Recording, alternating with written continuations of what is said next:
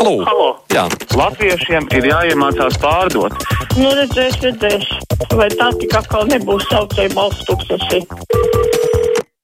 Tāruņa numurs studijā 6722, 888, 672, 559, elektroniskā pasta adrese kruspunktā, atlatvijas radio.lv. Sūtiet ziņu arī no mūsu mājaslapas. Klausītājs zvana. Halā! Labdien! Labdien! Vai brīvais mikrofons? Brīvais mikrofons. Jā, man es tā gribēju pa valodu parunāt mazliet. Jā, lūdzu, runājiet. Man kaut kā, kaut kā sāk jau apnikt to, ka katra beidzot tie latvieši iemācīsies to runāt, ka pirms gada vai, vai pirms nedēļas vai pirms pāris dienām visu laiku runā pa pakaļām. Atpakaļ un atpakaļ un atpakaļ. Vai tad vienreiz tā krievu valoda tik dziļi iesēdusies, ka visu laiku no zata zata visu laiku tikai runā. Nu, vai tad, vai tad beidzot cilvēki nenāks pie prāta, ka nav tā, nav tā gads, ka te var atpakaļ iet. Atpakaļ var aiziet uz veikalu un atnākt atpakaļ, bet pa gadu tā nevar tā teikt. Mm -hmm, jā, tā ir tāda kļūda. Diezgan bieži tiek pielaista.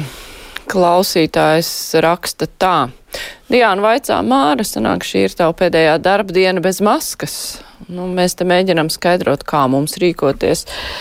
Labā ziņa ir tā, ka mums, mēs kamerās esam redzami, bet mums nav neviens cilvēks tieši aiz kameras, bet uh, tomēr noteikumi ir jāievēro arī mums. Mēs skaidrojam, nu, kā tad mums darīt ar darbu studijā, jo, protams, ka radio mikrofonā runāt caur masku varētu ciest kvalitāte, bet uh, noteikumi ir noteikumi. Mēs jau skaidrosim, kā tad īsti rīkoties. Klausītājs Vana Halā.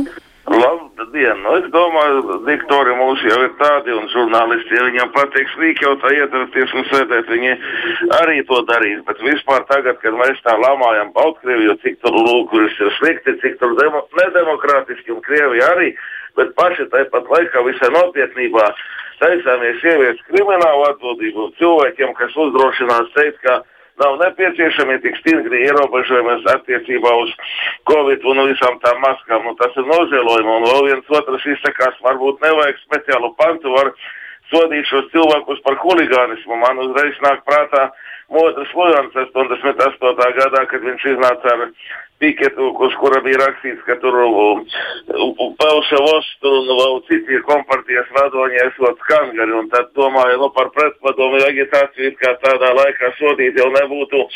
Žoki Mišam Garbačovam, tas, kā saka, bojātu tēlu, nu tad nosprieda viņu sodīt par huligānismu un ar lielām mokām izdevās viņu toreiz attaisnot, tagad atkal tas pats atkārtojas. Nu, kauns, kauns un vēlreiz kauns, un vai tiešām tauta to pacietīs. Tautai laikam viss ir labi, viņi pat nevarēs 50 tūkstošus parakstu savākt saimas atlaišanai. Es domāju, beidzot jānāk kādai reālai opozīcija un jāpieprasa šitās saimas un valdības nekavējoši atkāpšanās. Paldies! Paldies jums! Klausītāji vaicā, labdien, joprojām vēlos noskaidrot, ar kādiem simptomiem guļ Covid slimnieks slimnīcās ar vidēji smagu slimības gaitu, izņemot tos 40 smagos gadījumus, un cik ilgi viņi aizņem gultas vietas, vai nav tā, ka ārstiem vajag slimniekus, lai dabūtu piemaksas. Man zinām persona, kur pavasarī piedzīvos, ja zobārstniecība afēra nozars asociācija pavēlēja aizvērt zobārstniecības lai kvalificētos atbalstam. Klausītāji ieva raksta. Nu, es domāju, ka ārstiem nevajag slimniekus, lai dabūtu piemaksas. Slimnieku šobrīd netrūkst un iespējams, ka trūks savukārt gultas vietas. Mēs par to runāsim, gan rīt mēs runāsim par uh, taktiku Covid ārstēšanā. Iespējams, ka būs arī kāda atbild uz jūsu jautājumu. Pirmdien mums ir paredzēta intervija ar Lienu Cipulu, neatliekamās medicīniskās palīdzības dienesta vadītāja. Tas viesīs skaidrību par to, kāda ir situācija. Klausītājs zvana. Halo! Labdien! Labdien! Man ir divi jautājumi, vai es uz tiešā ēterā tiku? Jā, jūs esat tieši ēterā. Man, man ir divi jautājumi, diezgan retoriski laikam. Pirmais ir tas, ka varbūt žurnālistiem arī tas būs interesanti. Tas eksperiments par Čakmalrijas ielu, cik tas izmaksāja manai kabatai personīgi. Šādi te saveidojot sastrēgumus. Tas būtu viens. Jūsu Vien kabatai, jūs esat sarēķinājis pats? Nē, es, nē, es tieši labprāt uzzinātu, mm -hmm. cik tas eksperiments maksāja. Tas būtu viens, un otrs sakarā ar tām minoritātēm, kur divas sievietes un viens bērns. Un arī savukārt uh, Franciska teiktais, ka tagad vienla, vienzimuma laulības tas būtu it kā normāli. Man ir tāds jautājums, kā šis cilvēks Eh, Kā šis cilvēks vispār varētu zināt, kas ir ģimene, ja, ja visiem katoļu mācītājiem ir, ir pieņemts, ka viņi neprecās un arī nenodarbojās ar, ar seksu. Jā, tad, nu, varbūt šie divi jautājumi būtu žurnālistiem aktuāli. Varbūt viņi spētu arī sniegt gan man, arī, gan, man, gan arī pārējiem iedzīvotājiem, Latvijas iedzīvotājiem atbildes. Mm -hmm. nu, par čaku ielas slēgšanu es nezinu, kā tur izrēķināt tieši, cik jums ir zaudējumi bijuši, cik kopumā tas ir izmaksājis. Nu, kaut kādas aptuvenas aprēķinas varbūt var mēģināt atrast, bet uh, viegli nebūs, jo droši vien arī kādam ir kādi iegūmi bijuši, un tas ir sarežģīti. Labi, klausītājs zvana. Halo! Labdien! Labdien! Vai varētu lūdzu izteikties? Ja? Jūs varat, jūs jau esat ēterā. Aha, à, paldies! Sakiet, lūdzu, vakar viens kungs zvanīja, ka lai jaunaudzes droši tur jākopja un, un jāstrādā, ar- darbs būtu. Bet man pagājušajā gadā dēls strādāja tādā firmā lapas koks, bet nekā jau nemaksāja par to cigarešu paciņu. Un tad, kad viņš aizgāja prasīt to naudu par padarīto darbu, pateica, te nav nekāda banka. Tā, diemžēl, notiek. Mm, ļoti neglīti notiek, es teiktu. Tā klausītāja prasa, kāpēc vairs runa nav par diviem metriem, bet tikai par sejas maskām. Tātad valdība demonstrē vāru, nevis rūpējas par cilvēku drošību. Absurds studijā diktori ar masku. Hm. Nu, par tām maskām studijā diktoriem es vēl nezinu. Tas vēl tiek skaidrots. Par diviem metriem runa ir. Visu laiku ir uzsvērts, ka ir jāievēro gan distance, gan maska ir vajadzīga. Abas lietas katra atsevišķi tikai nestrādās. Tā Edgars saka, es arī uzskatu, ka dīvaini daudz, kur runā, ka jālieto maskas, bet visur pa televīziju, radio, kur nāk viesi, tur redzam, ka 90% pat nelieto maskas, bet gudri runā, ka jālieto un tā tālāk. Un līdz šim, kamēr mēs vēl aicinājām viesus, mēs jau kādu laiku atkal neaicinām viesus studijā, mums ir tikai Zoom platformā visas intervijas, bet eh, tad, kad mēs aicinājām, nu, mums ir studijas galds tāds paliels un mums tā divu metru distance ir, bet eh, tikko kā mēs redzam, ka situācija pasliktinās, mēs visus vairs neaicinām nevienu cilvēku šeit uz studiju. Tā, klausītājs Anna, halā! Halo! Labdien, lūdzu, brīvais mikrofons. Labdien! Man tāds ir jautājums. Labi dzirdat mani, jā? Ļoti labi dzirdam jūs. Tā, man ir tāds jautājums. Man kaut kā griež ausīs eh, politiski svarīga persona. Bet uh, tas domās tie, kas, nu, kas ministrijās, kas saimā, tie iecelti, ievēlētie uh, deputāti, jā. Bet kāpēc nav politiski svarīga persona vēlētājs? Jo pārējie, kas ir ievēlēti, viņi ir angažēti, viņi ir ievēlēti, bet uh, viņi skaitās politiski svarīgi. A vēlētājs politiski svarīgs neskaitās. Man liekas, jāmaina kaut kāda tur, um, kā lai to pasaka, uh, svarīgums jāmaina. Jo cilvēks ir angažēts un viņam par to maksā. Paldies! Jā, paldies! Interesanti!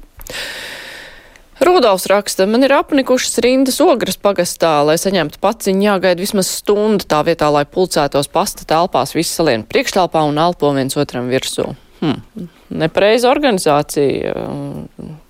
Pasta nodaļā, kas ir man tuvāk, tur neļauj iet iekšā un drūzmēties. Jā, pašā laikā pasts varētu padomāt par to, lai mēģinātu, viņiem taču ir pakomāti, lai mēģinātu novirzīt tās mazās pakas uz pakomātiem. Tāda iespēja ir pagaidām tur jāpiemaksā, bet, nu, varbūt varētu kaut kā automātiski to pārsūtīt, jo nevienmēr pie sūtījuma pasūtīšanas ir iespēja to norādīt, ka gribu pakomātā, lai nav jāiet jāstāv rindās un jādrūzmējas. Klausītājs Van Halā. Labdien! Labdien! Es gribēju izteikties principā par mūsu saimu un deputātiem. Man teiksim, ļoti nepatīk viedoklis, kad cilvēki vēlētāji saka, ka saima ir vainīga, jāatlaiž saima, saima jāatlaiž. Principā jāatlaiž vēlētājs. Jo ne jau no mūsu izvēles ir atkarīgs tas, kā mēs dzīvosim, ne jau no tiem ievēlētajiem. Ko viņi, protams, tā mums pasniedz, ka tas ir svarīgi. Bet svarīgi būs, ko mēs pēc tam, kad mēs viņus būsim ievēlējuši, darīsim. Jo Somijā jau ne jau dzīvo labi, tāpēc ka viņi māca ievēlēt pareizos cilvēkus, bet tāpēc ka viņi viņus ietekmē. Un tur ir ietekme ne tikai no finanšu grupējumiem, bet arī no sabiedrības. Un tā vienīgā ietekme, kā mēs varam ietekmēt viņus, kā sabiedrība, ir vienkārši teiksim, tā, nevis iet ap plakātiem, bet uh, streikot.